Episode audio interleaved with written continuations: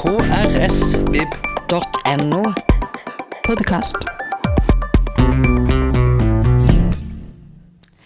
Jeg er på leting etter noe som knytter oss sammen, som forener oss. Det er derfor jeg skriver. Står det i boken. Det er vi som er her nå, en livsfilosofi. På, nei, på, på mandag ble den lansert i Oslo. Da hadde Jostein Gaarder en samtale med Dag O. Hessen som på lanseringen. Så vi er jo tidlig ute her i Kristiansand også, da. Han er vel kanskje det mest nysgjerrige mennesket jeg kan tenke meg. Uh, og som har gjort millioner av mennesker over hele kloden nysgjerrig på filosofi, og som i noen tiår har talt jordens og univers sak i klimaspørsmål. Så ta godt imot Jostein Gaarder, dere. Takk. Uh, det var, var, jo veldig hyggelig at du ville komme hit til oss på Bjørnebodan uh, sånn rett etter utgivelse. Vi, det, det, hyggelig å være her. Absolutt. Ja, det er jo ferskvare virkelig, dette nå. Ja, Og så er det så flott at jeg, jeg, jeg kom med tog som var her i Kristiansand klokken fire. Og ja. så er jeg her i fire timer og har det kjempegøy. Og så går det tog tilbake igjen klokken åtte. Ja. Så det er jo det, det, det, Jeg elsker tog. Ja, og jeg vil jo si, egentlig si du er en tålmodig sjel som bruker sånn ja. veldig Fredagen går med til dette. Ja, ja. Og, og, mye på tog. Men det er godt å sitte på tog. Jeg er enig i det. Ja. Um, nå må jeg jo si at Dag O. Hessen, som du møtte på mandag, han er jo professor og biolog. Jeg, jeg, stiller jo opp med litteratur og musikk, så det, det blir kanskje ikke helt lik samtale. ja, Men det er helt strålende. Absolutt. Ja. Men det, det, det, er som du er inne på, absolutt en god porsjon naturvitenskap her. Ikke ja. bare biologi, mm. men også astronomi, kosmologi. Ja, å, ja. Eh, og jeg tør jo ikke da å gi ut en sånn bok uten å ha en konsulent som Dag O. Hessen, og, og, også en astrofysiker, eh, Øystein Elgarøy. Pluss uh, Astrid uh, Ja, Anne Sverdrup Tygesen. Anne Sverdrup Tygesen, ja. Uh, Astrid.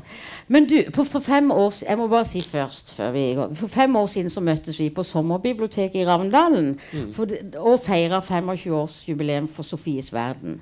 Og nå er det altså gått fem år. Så nå er det 30 år Nøyaktig så er det 9. desember, kanskje. 5. desember, tror jeg. 5. Ja, desember. Ja. Så kom den altså ut uh, for 30 år siden.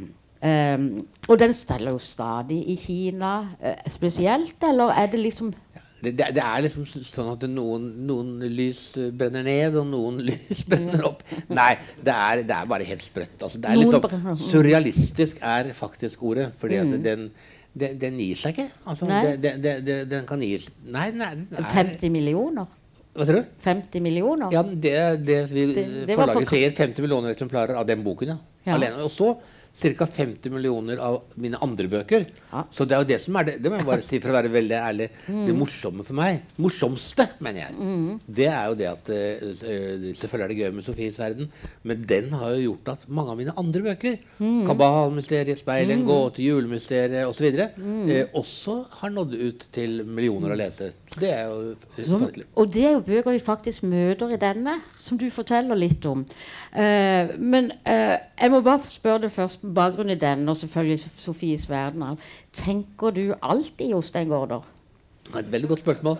Det gjør jeg nok, altså. Ja. Jeg, jeg, mener, jeg, altså jeg, det, det, høres nesten litt perverst ut. Og, eh, men altså, når, når, jeg går Jeg elsker å gå. Altså, jeg ja. klarer ikke å bevege eh, tankene uten å bevege kroppen. Mm. Eh, og, og, når jeg går, da, da, tenker jeg. Og det jeg tenker på, det er selvfølgelig også sånn Hva skal jeg kjøpe til middag i dag? For det, er jeg som pleier å lage mat hjemme. Okay, ja. eh, men, men, men jeg, jeg, går og tenker på sånn den kambriske eksplosjonen altså da, da, da disse, alle de forskjellige dyregruppene oppsto. Ja. Jeg tenker på disse første paddene som krabbet opp fra, fra eh, hav. og jeg tenker på Big Bang, hva det var for noe, liksom. For dette, det vet jo ingen. Nei, hva var det store smellet? Mm. Eh, og, og, nå sitter jo liksom vi her og kan, kan, kan, tenke tilbake på det som har skjedd, og dette universet som jeg er en del av. Mm. Ja, jeg, jeg, tenker sånne, litt sånne store tanker. Jeg innrømmer det. Ja, hele tida. Det, det, må vel liksom ja. Når du da skal legge deg, du er veldig sliten. Ja, ja. Altså, du vet at Jeg spurte Dag om det. Eh, for det var, var sånn at det, Da han lanserte sin bok 'Liv' mm. eh, på Litteraturhuset nå for noen uker siden, så var det vi som hadde en samtale. Og, og, og, da min bok ble lansert, så var det også Dag og jeg som hadde en samtale. Jeg har hørt han sin, for den ligger ute, men din gjør ikke. Nei, ok, sier du det? Ja. Eller den du intervjuer han med. Jeg skjønner nettopp. Det er fordi eh, eh, jeg spurte ham om det samme. For, han er jo ekstremt kreativ. Har jo mm. utgitt ufattelig mange bøker. Så jeg spurte han jo da om eh, han eh, kunne slappe av. Mm. Og så, og så ja, Men får du sove? spurte jeg ham. Sover du godt? Ja, For han er så enormt kreativ. Det er jo en, nesten patolo patologisk til deg, ja, Nei, jeg, vi er nok litt like. Men jeg, eh, han sa at jo, han har alltid da en notisbok på nattbordet. Uh, uh, hvis jeg skulle våkne og plutselig få en idé. Det der uh, husker jeg. Ja. Men det slutta jeg med for 20 år siden. Altså. så det, det, er helt utenkelig. Og en annen ting er at jeg alltid selvfølgelig har gått med en sånn Dette er et halvt A4-ark. Ja, bare sånn, men det også har, nå har jeg begynt å tørre å gå ut og gå på tur uten å ha med det òg. Det er ikke så mye igjen! men, men, altså, hvis, også hvis du har sånn, eh, en eller annen problemstilling du skal løse, da går du også på tur. Men da hender ja. det plutselig du må fort hjem igjen. Ja, det, det er sant. Ja. Nei, altså, det, det, det er fordi at hvis jeg står helt altså Noen sier jo at man kan sove på det. ikke sant? Det kan sikkert eh, vi alle sammen. Eh, noen eh, tar seg noen glass vin på det, og så mm. får de løst problemet på den mm. måten. Mm. Det funker ikke for meg. Eh, ja, det, nei, jeg, jeg, det er vin det er mer for å finne kommafeil og sånn. Men, men, det er vel også noen som tar en del vin og tenker nå har de, de ja. har løst gåten og legger de Men Da blir man ofte skuffet etterpå. Vet. Ja. Altså, han Skårderud, Finn Skårderud, han skrev en artikkel om det der. Eh, om Johan Borgen, mm. som jo satt og drakk akevitt når han skrev. ikke sant? Eh, men så visste han det der med at han ble mindre selvkritisk. Eh, eh, da. Så han tok automatisk neste morgen og eh, kastet de fem siste sidene. Og da sier Skårderud eh, det, det var kanskje også feil, fordi det tilhører liksom den, den der, eh, dagen derpå med en sånn bondeanger. At man tror at alt det man gjorde i går, var teit. Mm -hmm. Så kanskje han kastet for mye. Mm. Ja. Nei, men jeg, jeg, jeg, gjør altså ingen av de tingene. Jeg, jeg går på det stoffet fast, så går jeg. Og det er som du sier, noen ganger sånn at jeg har liksom bare snudd fordi problemet har løst seg. ja. og, og, da er jeg jo ivrig etter å komme hjem og realisere det, ikke sant? Ja. ja. Uh, men du, altså uh, Denne her um, boka uh, altså, Du er ikke fremmed for å formulere brev i bøkene dine. Det gjør, men da med egentlig en ukjent avsender har det vært. Altså, ja. Nei, nei, ukjent motta, altså adressat. Ja. Men her er det i den Er det noen som har den? ja, altså i denne boka så er det blitt mye mer Så er det veldig personlig. Ja. altså Det, det var det som på en måte satt eh, liksom lengst inne. Altså, for, for, det første så er jo det For det første så, så, skrev jeg for 30 år siden, som du sa, en filosofibok. 'Sofies verden', som hadde undertittelen 'Roman om filosofiens historie'. Det var jo også da en romanform. ikke sant? Og så har jeg skrevet mange mange, mange, mange bøker imellom. Og de har, har jo alle, mange av dem har hatt en filosofisk nerve. Men de har jo ikke vært filosofibøker. Men nå, er, nå, her sitter jeg nå med en, faktisk en helt ny filosofibok. Mm. Men, og da kaller jeg det livsfilosofi. Mm. Og det ligger i det at det er da ikke en sånn hva skal jeg si, sånn eh, akademisk sånn filosofihistorie. En sånn allmenn filosofihistorie. Dette er min, mine tanker. Det er min mm. livsfilosofi. Og jeg vil ikke bare si min filosofi, men min livsfilosofi. Ja. Og men da var det at da måtte jeg bruke dette pronomenet 'jeg'. Og det har jeg jo aldri, aldri, aldri brukt før. Altså Jeg har brukt det i disse andre brevromanene. Mm. Men da er det jo et fiktivt jeg. Mm. Et oppdiktet jeg. ikke sant? Ikke, eh, men, men, nå er det liksom meg. Det er Jostein. Det, ja, ja, for fortell hvem du skriver til. Ja, Det var det som løste hele problemet. Ah. Fordi jeg kom plutselig på at det, er jo noen jeg kan skrive til. Og du, du, har jo ikke noen sånn mulig eh, eh, kommunikasjon hvis du bare skal skrive 'jeg' og så, jeg, og så ut til, til et, et, et, sånn åpent, allment publikum. Jeg skriver det til mine barnebarn. Ja. Mm. Og, det, og, det, er ikke fordi at jeg eh, liksom, Det er et åpent brev. Det betyr at jeg skriver til alle andre. Og det er understreket til å begynne med et forord til. Altså da ved navns nevnelse, ikke sant, så, så skriver jeg jo til Kjære Leo, Aurora, Noah, Alba, Julia og Mani. jeg understreker det at de har noe til Trengte du boka for å huske? Trengte du boka for å huske Nei, jeg, nei, nei, nei, nei, nei, nei. Ja, ja, det kan jo hende i situasjonen her og nå. Nei, men jeg mener, poenget er jo at jeg eh, sier at de har noe viktig til felles, og det er ikke at de har samme farfar, hvilket er helt uvesentlig, eh, syns jeg. Men at de alle sammen Eh, selv om de spenner eh, fra 0 år til, 20, til 18 år, så er alle født i det 21. århundret. Og de skal leve gjennom dette århundret. De skal statistisk sett alle sammen også gløtte inn i det 22. århundret. Og det, og det er ikke bare det at jeg skriver til mine barnebarn. Jeg understreker at jeg skriver til mine barnebarn som voksne. Og enda strekker jeg det litt lenger, for jeg skriver til dem når de er kommet i den alder jeg er nå. Mm. Altså skriver jeg til mennesker, og da mener jeg ikke bare barnebarna mine, men mennesker som skal leve her på denne planeten i 2080, 2090 og, og, og, og mm. idet vi bikker et nytt århundre. Og da kan jeg stille en del spørsmål til mine barnebarn, som de skal lese, altså. Jeg kan stille en del spørsmål. Altså, åssen gikk det?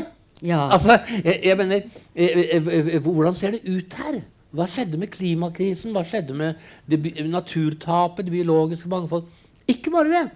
Jeg er jo litt sånn nerd på også dette med å få kontakt med intelligente sivilisasjoner ute i universet. og sånn. Så, eh, hva kan det fortelle en, en, farfar som sitter her nå i skrivende stund, og, ø, om, om, det som de da har Det er jo en rekke ting de vil ha svar på, som ikke vi i dag har svar på. Eh, og bare mm. tenk på hva som har skjedd når det gjelder kunnskap og forståelse de siste 100 årene. Ja, for det nevner du spesielt. På 100 år har vi lært enormt. Tenk på Darwins eh, relativitetsteori. Eh, tenk på DNA-molekyler på begynnelsen av 50-tallet. Tenk på altså Det er jo ufattelig Vi har en ufattelig dypere forståelse av naturen og av denne planeten vi lever på, og av dette universet.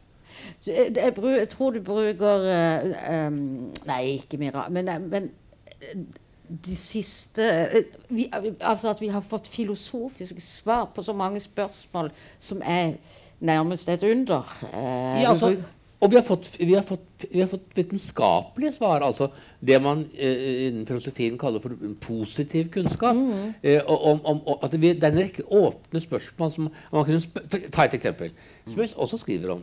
Det, det, og, og liksom, å snakke om sånne ting, spørre om sånt, det er omtrent som å diskutere månens bakside. Ha, ha, ha, ha. For den er jo ingen som vet noe om. Og det er fordi, fordi månen har en såkalt bundet rotasjon, så har menneskeheten aldri visst noe om månens bakside. Men altså etter Apollo 8, som, ja. som, som uh, gikk i bane rundt månen, så, så vi, er det ikke det der noen big deal lenger. Vi har faktisk fått den positive kunnskapen. Og det er mange sånne.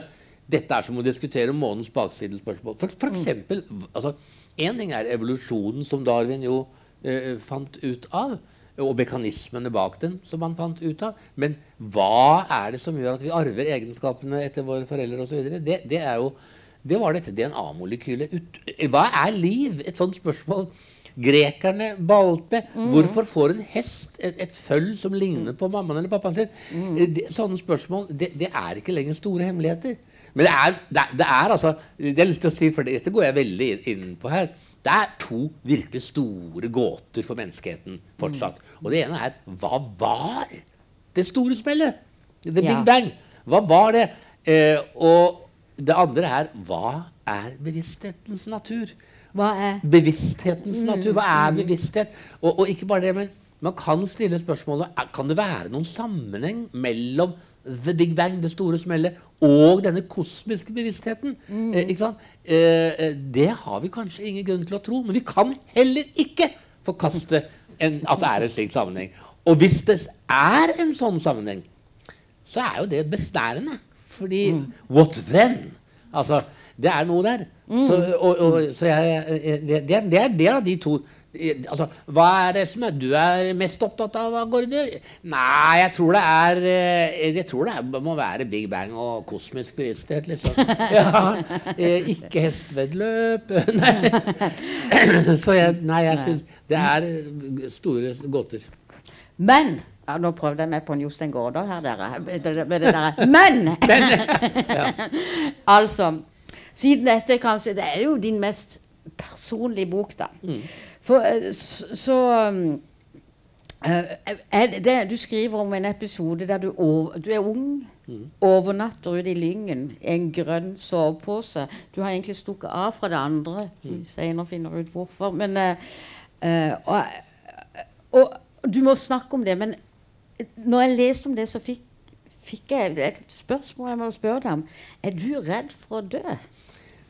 altså, i, i dag altså, Dette med redd og redd Nei, altså, jeg, det er ting jeg er mer redd for enn det. Men jeg hadde, da jeg var 17-18-19-20-22 år, en jeg vil si klinisk eh, eh, eller patologisk dødsangst. Mm. Eh, det har jeg ikke lenger. Ikke angst. Men jeg, men jeg, må jo si at etter hvert som angsten har sluppet tak i meg i den forbindelse, mm. og det er deilig, så har en sorg egentlig bare vokst seg sterkere. Mm. Altså, det, det, det, er, det, er, det, er, to skjellsettende opplevelser som denne boken begynner med. Det ene er det kapitlet kaller jeg en trylleverden. Jeg var et lite barn. Jeg våknet opp og opplevde alt som helt underlig, forunderlig, magisk.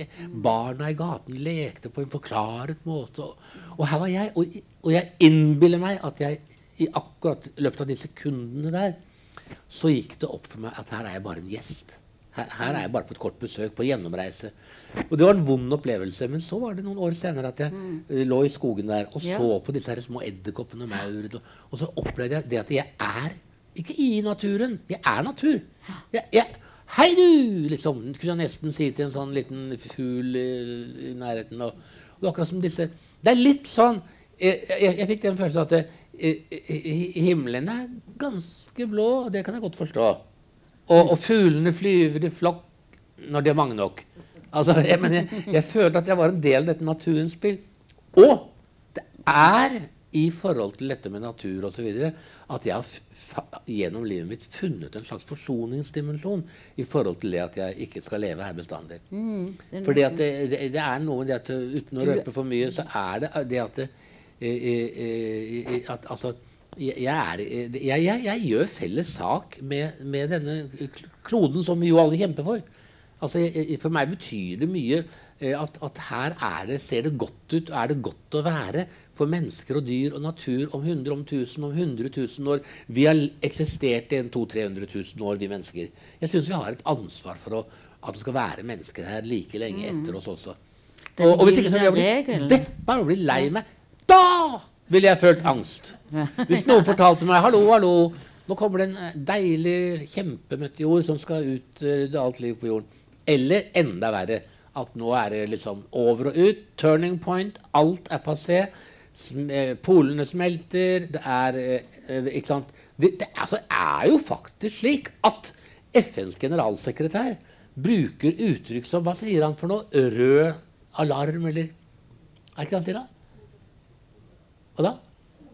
Kode rød, sier han. Kode rød. Og, og, og, det der liker jeg ikke, altså. At koden er rød for meg, det har den vært lenge. Og, jeg, men jeg er ikke bare denne kroppen som sitter her, altså. Mm. Jeg er faktisk jeg, jeg, jeg, mener at i den grad vi ut, som vi gjør, utraderer, forminsker, degraderer liv og biologisk mangfold osv. på denne planeten her, så, så, så, tar vi bort noe av dypet i oss selv. Mm. Eh, du, du, har et begrep urgrunn. Ja. Det, det, det, det er jo artig, artig at du har merket til det.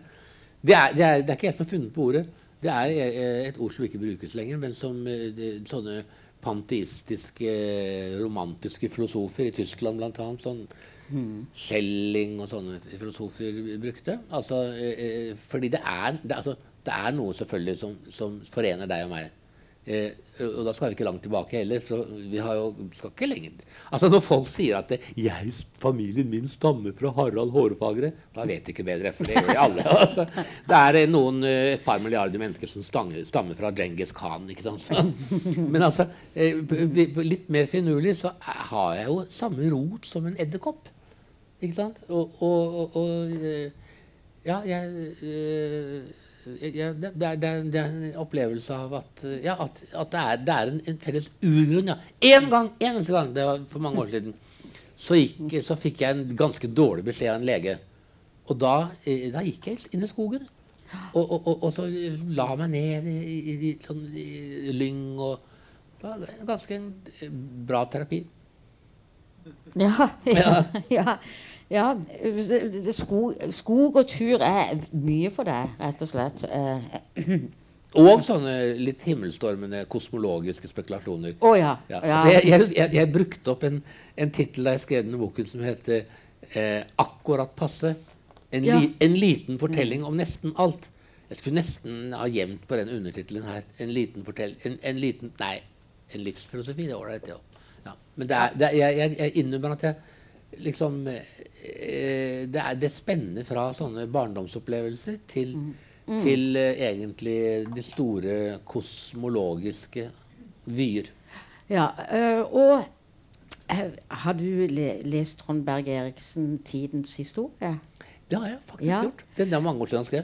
Ja, ja. ja visst. Ja. Mm. Men der i forordet så er det da Der beskriver han et museum for klokker. Ja som går i hver sin tid og sånn. Og jeg kom på den og det at jeg leste om det. Og din, din, uh, best, din farfar ja, ja, ja, nettopp.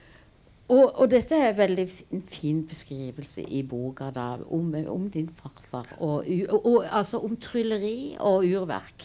Ja. Si litt om det. da. Ja, altså, jeg mener det, det, det, jeg kaller det kapittelet 'min egen farfar'. Ja. For jeg er jo en farfar som skriver til mine barnebarn. Mm, mm. Han, han, var urmaker og, og, og, nederst i Hegdehaugsveien i Oslo, hvor det fortsatt faktisk henger et gammelt ur fra den urmakerforretningen foran en sånn moderne klesforretning.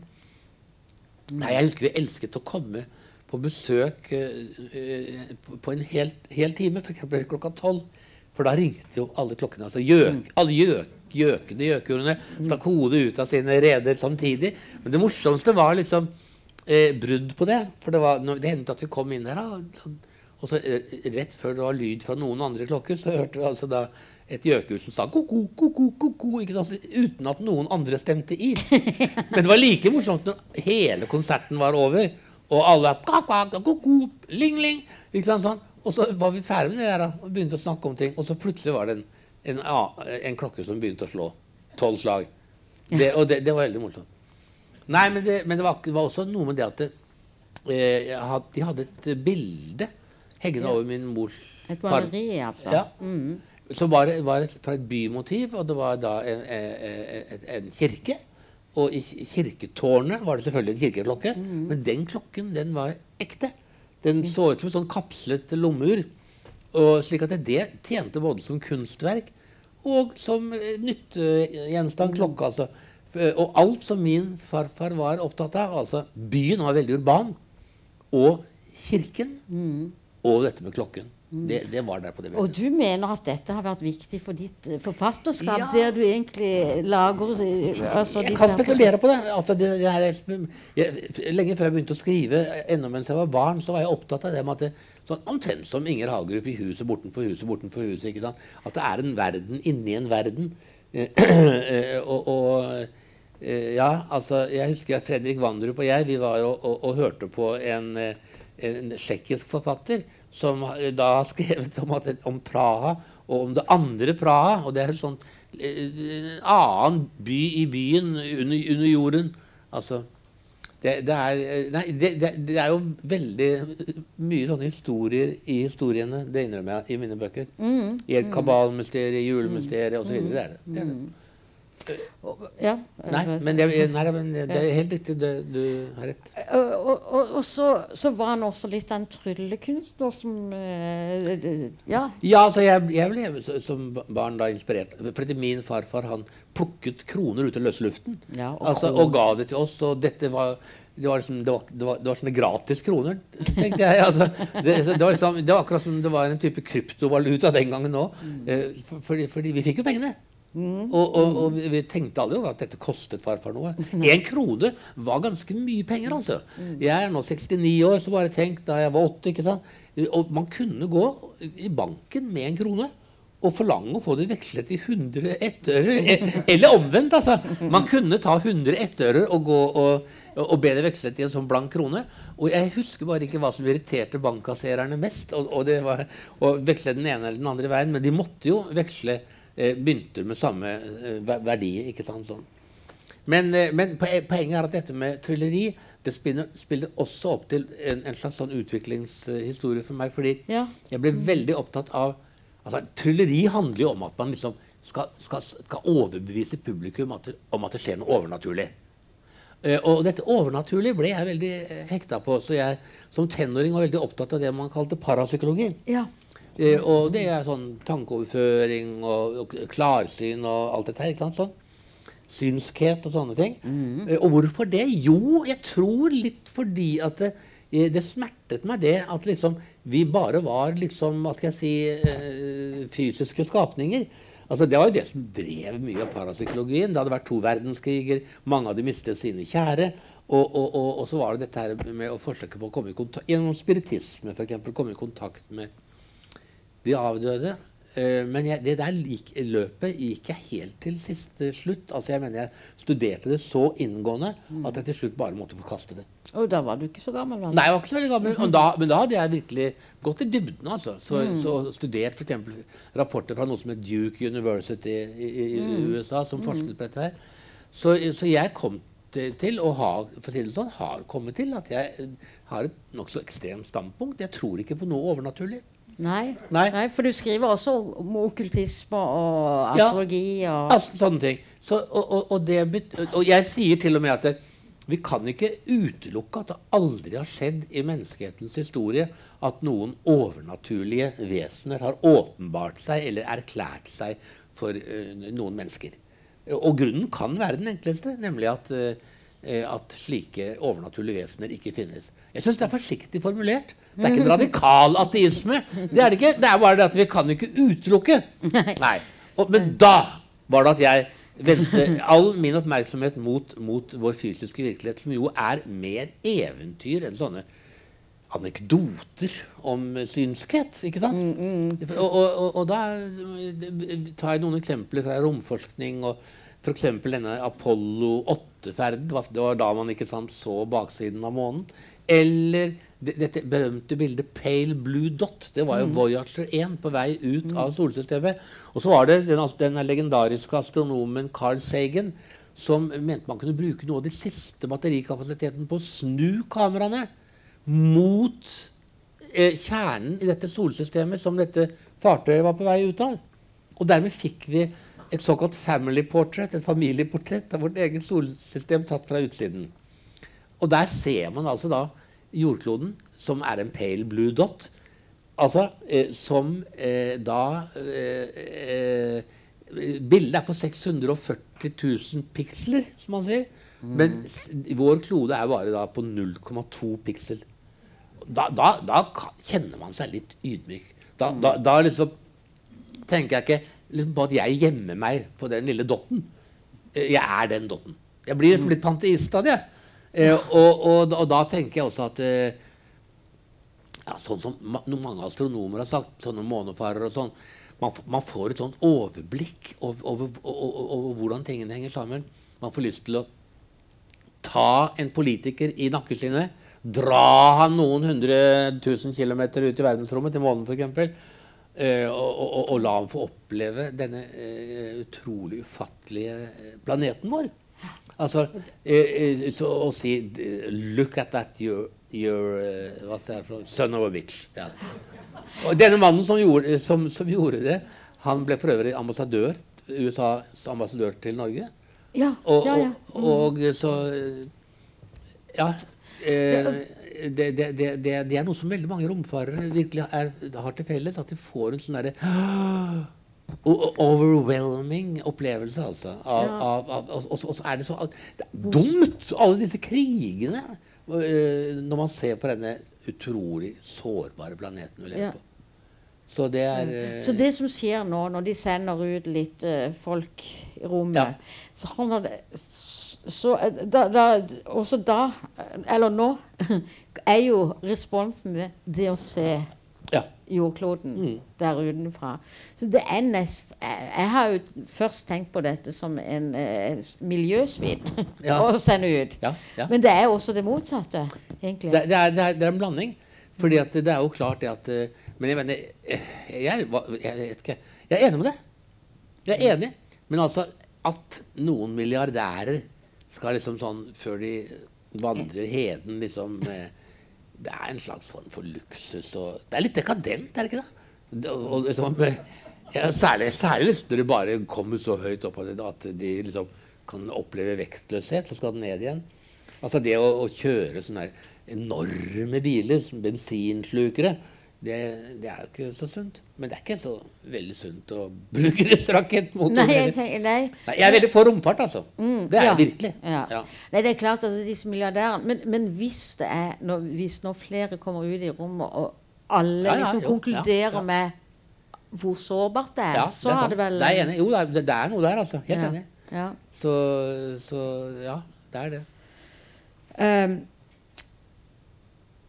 Menneskets fantasi fascinerer deg. og det, det du, du, skriver i denne om en tidligere bok, altså 'Innspeilet en gåte', mm. der uh, Cecilie og Ariel møtes, altså himmel og jord møtes. Det er, det er nesten som en sånn uh, fundament for mye av forfatterskapet ja. ditt, hvis vi kunne si det. Ja, altså, altså det er noe, derfor, Alt dette her er jo en slags argumentasjon, en sammenheng. fordi eh, når vi snakker om dette overnaturlige, så forteller jeg en historie om en venninne av meg ja, som, det det. Mm. som, som eh, da eh, hadde opplevd et kjærlighetsbrudd.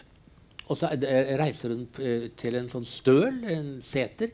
Og så mens hun er der, så ser hun ut gjennom kjøkkenvinduet at det kommer noen sånne småfolk, altså noen sånne hobbiter, noen sånne haugfolk, vetter, spaserende ute. Og, og, og, de går under en klessnor. Hun er sikker på at de er små, for den klessnoren bare ligger liksom og deiser en, en, en knapp meter over bakken. Uh, så hun, hun, det, hun, hun mente, brukte det som argument for at det finnes overnaturlige ting. Mm. Så bare tenkte jeg på men hvis du hadde hatt et videokamera mm. eh, eh, eh, For dette var før mobiltelefonen. da, Tror du du ville klart å, å, å, ta, å filme de, disse folkene? Så ble hun sittende og tenke noen sekunder. Hun sa nei, kanskje ikke. Med andre ord, dette er noe som kanskje foregikk i hennes bevissthet. Og det er da jeg bruker noen eksempler fra mitt eget forfatterskap. fordi jeg har alltid vært, Det er mitt litterære credo er at det, all fantasi er noens fantasi. Mm. Eh, og, og, og, hvis, og, jeg må alltid da jorde eh, det, det, fantastiske eh, eh til en bestemt person. Altså, for, for, eksempel Cecilie snakker med denne engelen Ariel. Mm. Det er greit. Men da kan ikke engelen Ariel si noe som, som altså, Eh, eh, eh, Cecilie ikke sånn presumptivt hadde kunnet tenke selv. Så, så, så jeg mener det, det, er, det, er, det, er, som når vi drømmer. Vi kan ikke drømme noe som vår hjerne ikke er i stand til å drømme. Og, og, og, og det, det er, det er, litt det samme som at jeg, jeg er glad i parfymelukt, mm. men, jeg, men, jeg vil gjerne lukte den på et kinn. Altså mm. the, human touch. ikke sant? Jeg, jeg vil ikke liksom, stikke nesen ned i parfymeflasken. Og, og, og da blir jeg bare kvalm. Mm. det betyr altså at jeg ikke er noe veldig fan av såkalt fantasy-litteratur. Som jo er, det er Alt er lov, liksom. Så fløy det åtte lysrøde elefanter over landskapet, liksom. Nei. Eh, det må være det, eh, Ved å, å gjøre det i et bestemt menneske, så får det fantastiske en sanselig, psykologisk eller sensuell dimensjon. Mm. Mm.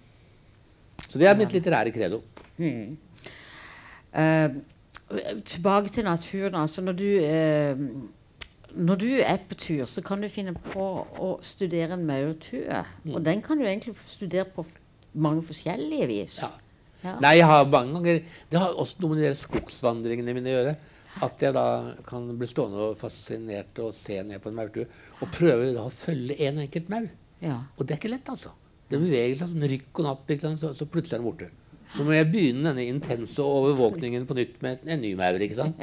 Ja. og, og, og det, dette er akkurat det som er innledningen til dette spørsmålet jeg stiller om, om, om vi er helt isolert fra hverandre, eller om det er noe som forbinder oss. om Eh, ikke sant? Og, og, det, det, så det er brukt som egentlig en metafor. Allegori. Mm. Mm. Mm. Nei, men du, du, ser jo på, på, om det er et system også i et felles ja, altså, mm. det, det, morsomme er det at det, du nevnte vel det at hun Anne Sverdrup Tygesson ja. leste gjennom dette og var konsulent på det. Mm. Hun er en utrolig innmari god konsulent. Altså fordi, ja. og, da mener jeg litterær konsulent.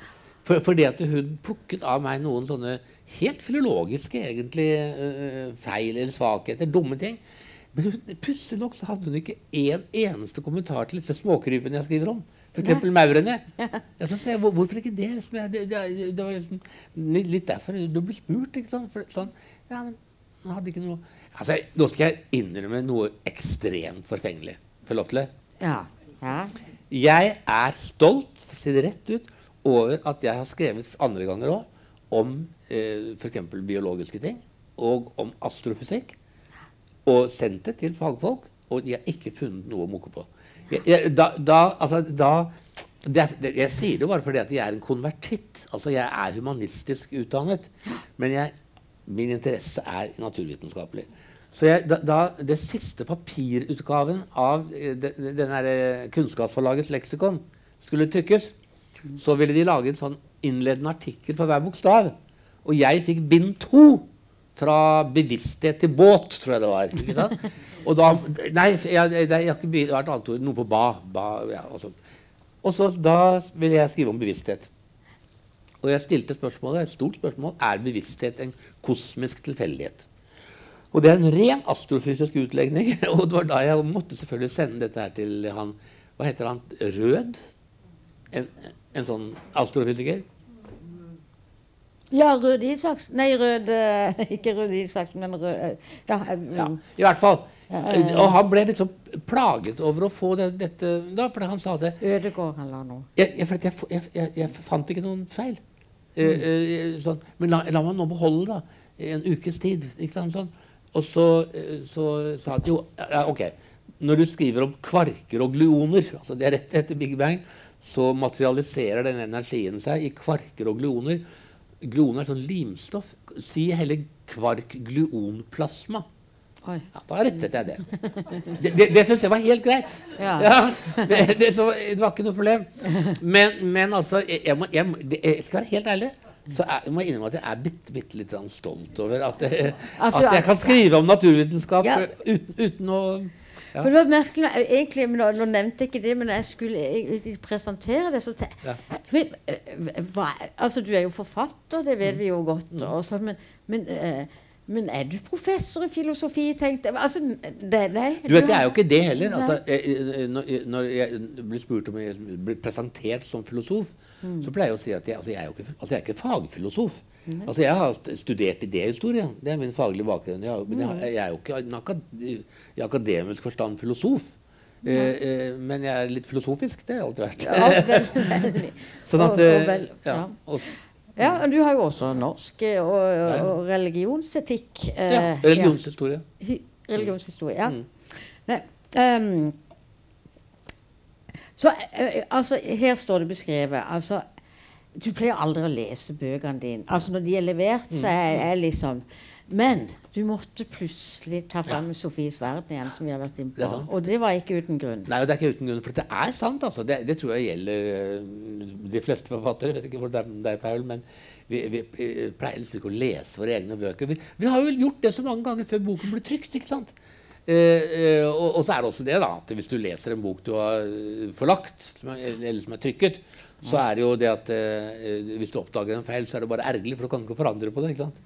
Nei, men, men jeg, jeg, måtte lese gjennom Sofies verden fordi jeg måtte finne ut hva skriver jeg her om økologi. Hva skriver jeg her om, om klima og miljø og artsmangfold? Og jeg, ble, jeg, jeg begynte å kaldsvette, for jeg fant søren meg ingenting. Altså, så det aller, aller, aller viktigste filosofiske spørsmål i vår tid, det, er, det var ikke nevnt. Og det spørsmålet er hvordan skal vi klare å bevare livsgrunnlaget på vår egen planet? Det er et filosofisk spørsmål. Genuint filosofisk, fordi det er faktisk eh, eh, Det er jo et praktisk filosofisk spørsmål, dvs. Si et etisk eller moralfilosofisk spørsmål. ikke sant? Samtidig som det faktisk også er et sånt litt sånn bevissthetsfilosofisk, ontologisk spørsmål. For hvordan er det mulig? Klarer vi denne operasjonen? Klarer vi å kommunisere eh, og, og, forene oss? Apropos maurtuen. Klarer vi det?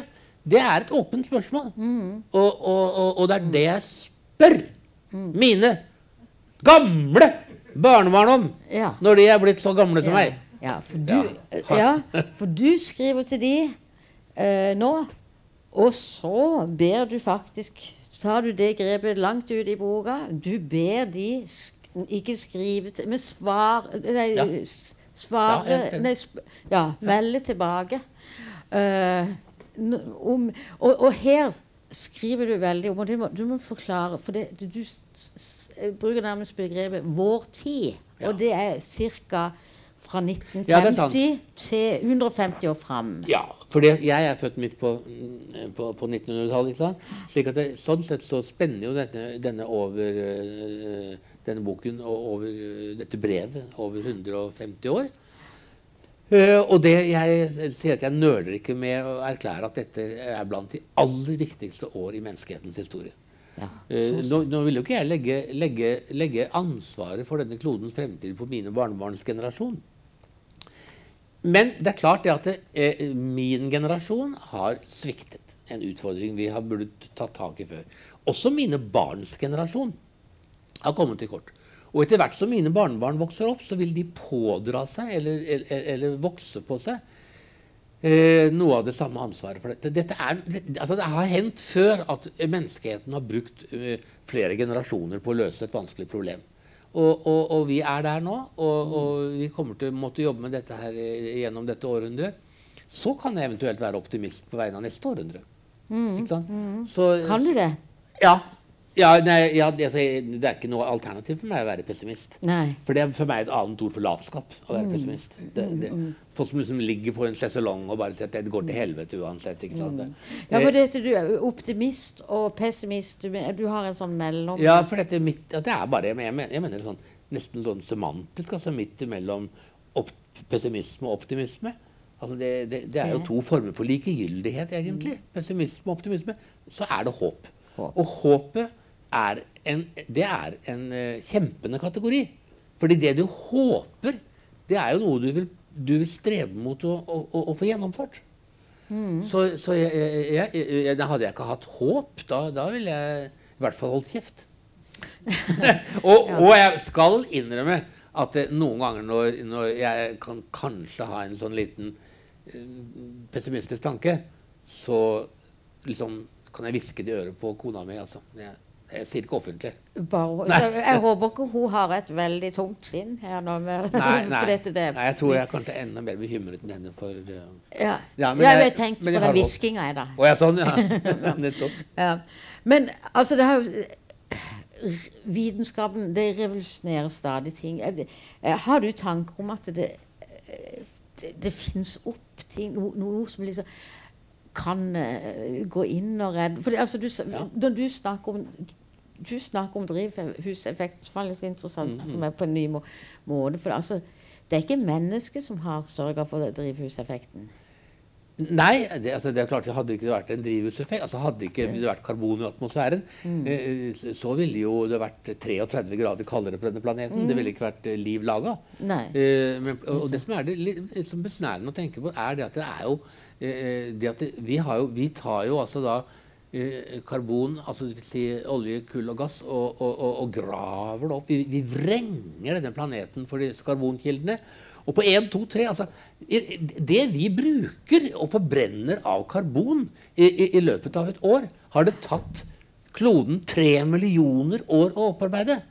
Så her er det, så det er klart at det, det lille vi tilfører altså, Det er jo en syklus, karbonsyklus. ikke sant? Det lille vi eh, tillegger ekstra, er 5 men de akkumuleres. Altså, et bilde eh, eh, Hvis man liksom da hver dag spiser f.eks. et marsipanbrød eller et, en vaffelplate mer enn det kroppen trenger for å, å gjøre sine funksjoner, da vil man legge på seg. Mm. Og, og, sånn er det nå. Vi, bruk, vi brenner mer karbon enn naturen trenger for å opprettholde sine funksjoner, f.eks. å gi liv til planter og, og dyr. Mm. Uh, og, og, derfor så legger atmosfæren på seg karbon. Og det blir ikke noen istid. Altså, det, det, ligger der ute. Det, det, har betydning for klimaet i 100 000 år. Mm. Og derfor er det slik at apropos det med teknologi, eh, der er det jo slik nå at eh, eh, veldig mange klimaforskere peker jo på det at eh, det, er ikke nok å slutte å, å, forbrenne karbon. Det er altså allerede så mange vippepunkter og så mye som er der ute, at vi må få til en teknologi som suger karbon ut av atmosfæren. Ja. Og fanger det. Og borer det ned i berggrunnen igjen. ikke sant? Eh, men det, var, det er ikke lett å få til. Det er ikke billig å få til. Og, og, jeg er, kan være litt skeptisk ja, Håp, sa jeg, det har jeg, men jeg kan være litt skeptisk til sånne eh, teknologioptimister. Som liksom mener at her kan vi bare holde på og skalte og valte. Og så kommer det noen lure tippoldebarn etter oss som lager noen gøyale ting som gjør Nei. Jeg er litt skeptisk i forhold til det. Ja, ikke, for, for, det er det jeg lurer på da. Altså Det de da må lage for å få ordne opp i det, mm. er ikke det en ny miljø det kan det potensiell katastrofe? Altså, det er jo ut, utallige eksempler på sånn eh, Trollmannens læregutt-aktige ting. altså Hvor man da setter krefter i gang som man ikke klarer å kontrollere. Mm. Et eksempel er naturligvis eh, eh, eh, Hva heter det for noe? Altså antibiotika. Fordi mm. altså, Leger er jo svært bekymret for hvor lenge vi kan eh, holde uh, infeksjoner in, ikke sant? ved hjelp av Fordi det, det, er jo et kapple, det er ren darwinisme. Det rareste, Noe av det rareste jeg vet, det er jo fundamentalister som ikke tror på utviklingen, ikke tror på Darwin. Allikevel tar de penicillinkurer. Og allikevel så godtar de når legen sier at det tar penicillinkuren helt ut. For ellers vil det være bare de sterkeste som overlever, og da blir det enda verre. Ja, men uansett. Nei. Men jeg må understreke det, at dette er ikke en klimabok. altså. Det er det ikke. Eh, det er ikke en klimabok, og det er ikke en pessimistisk bok overhodet, selv om det akkurat nå ble så, så eh, vi, vi, må egentlig begynne å runde av i ja. forhold til Men mm. eh, du, du, snakker om du vil på en helt ny ting her, da, men du snakker sånn om rom og tid, og hvordan det har utvalgt ja, Navigasjon det, det, er jo så mye her i denne boka. Vi er jo bare inne på litt Ikke minst navigasjon. Og, eller ja, ja. tidssoner. Ja, for jeg skulle bare, for når jeg leste om rom og tid, eh, der du skriver hvordan mennesker har utvikla seg At vi kunne plutselig bruke kokkeslett og møtes på et konkret For det, jeg bare fikk lyst til å si, for i Kristiansand så er det en vise som heter 'Lise og Kåre en bytragedie'. Oh, ja. Og det er rett og slett at de skulle møtes på et hjørne. Ja. Og det er en by som, er li, sky, som sky er lik sky. Så de sto ja. på hvert sitt, hvert sitt øh, hjørne. Kåran slo seg på følga.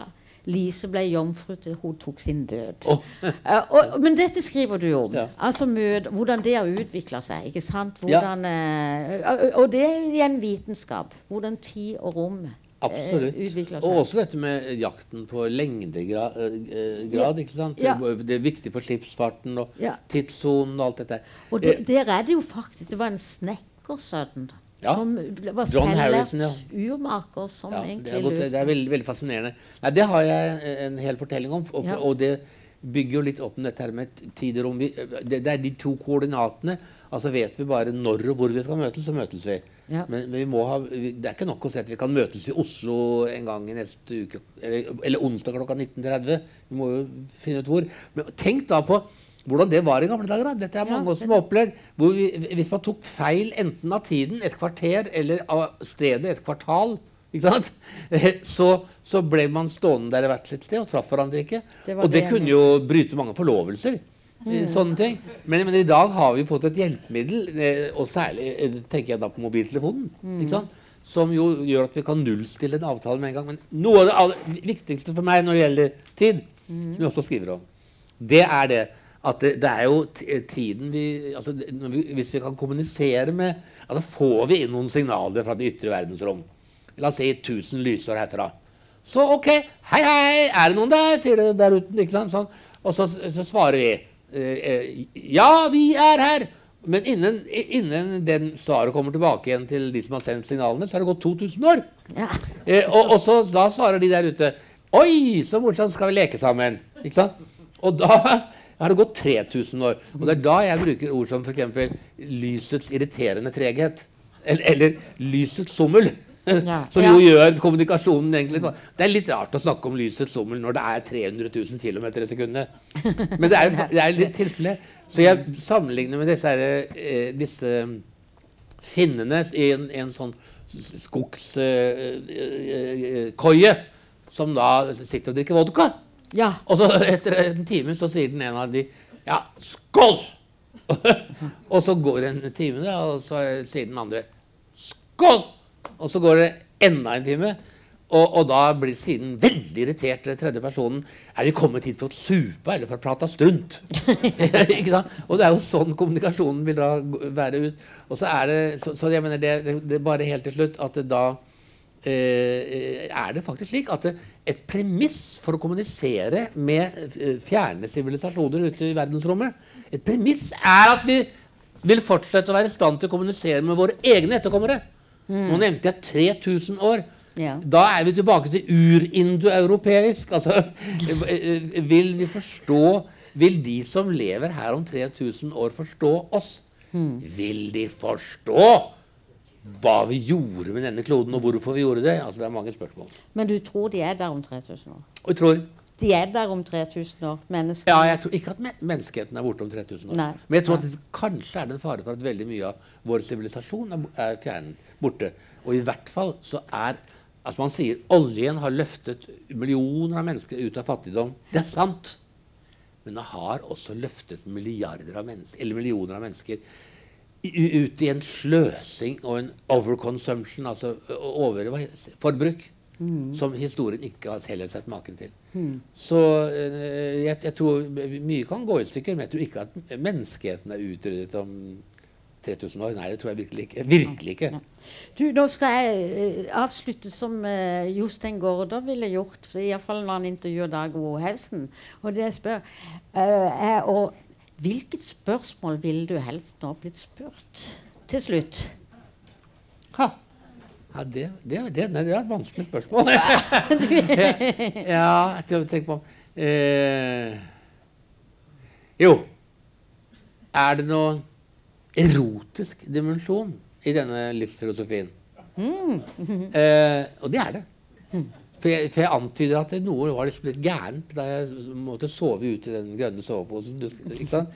Og så Man skal liksom lese hele fortellingen igjennom for å skjønne hvorfor jeg var litt ulykkelig akkurat da. Mm. Og det har direkte med disse barnebarna å gjøre. Mm. Fordi det, det, fordi det, den jeg forteller til slutt om at jeg traff en jente på 16-17 år. Og jeg var ikke eldre selv. Og, og så etter hvert så skjønner i hvert fall mine barnebarn at det er min kone jeg skriver om. Og hadde ikke jeg møtt henne da, så ville jo kanskje ikke de barna vært, eh, blitt mm. til. Mm. Og det er noe i det at det, det, er vanskelig å forestille seg at en dag så var verden, men uten oss. Og slik er det også vanskelig å forestille seg at en dag skal verden være, men uten oss. Det er en ufattelig vond erkjennelse. Og fins det da, for å slutte der vi begynte, noen forsoningsdimensjon i denne forbindelse? Og det mener jeg gjør, og jeg kan egentlig ikke si det nå på to minutter, men det trengs en egen liten bok til å formidle det. Mm. Og den dere eh, bør dere virkelig lese, og det går an å Jostein Gaarder signerer bøker på, eh, både til dere sjøl og til deres barn og barnebarn og foreldre. Alt som måtte være til julegaver. Iallfall den anbefales varmt. Jeg, vet du, jeg syns du er som en eh, de, Når du, du skriver, er som en fugabar. Altså med, en fugabar med kontrapunkter ja. i, i, i tematikker. Du, det var som, veldig, både et kjempekompliment og veldig godt formulert. Bra. Ja. Da slutter vi. Tusen takk for at du vil kunne komme. Takk.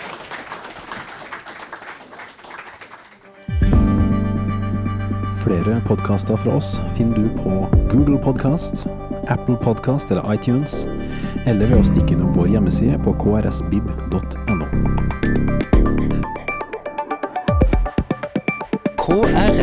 krsbib.no podkast.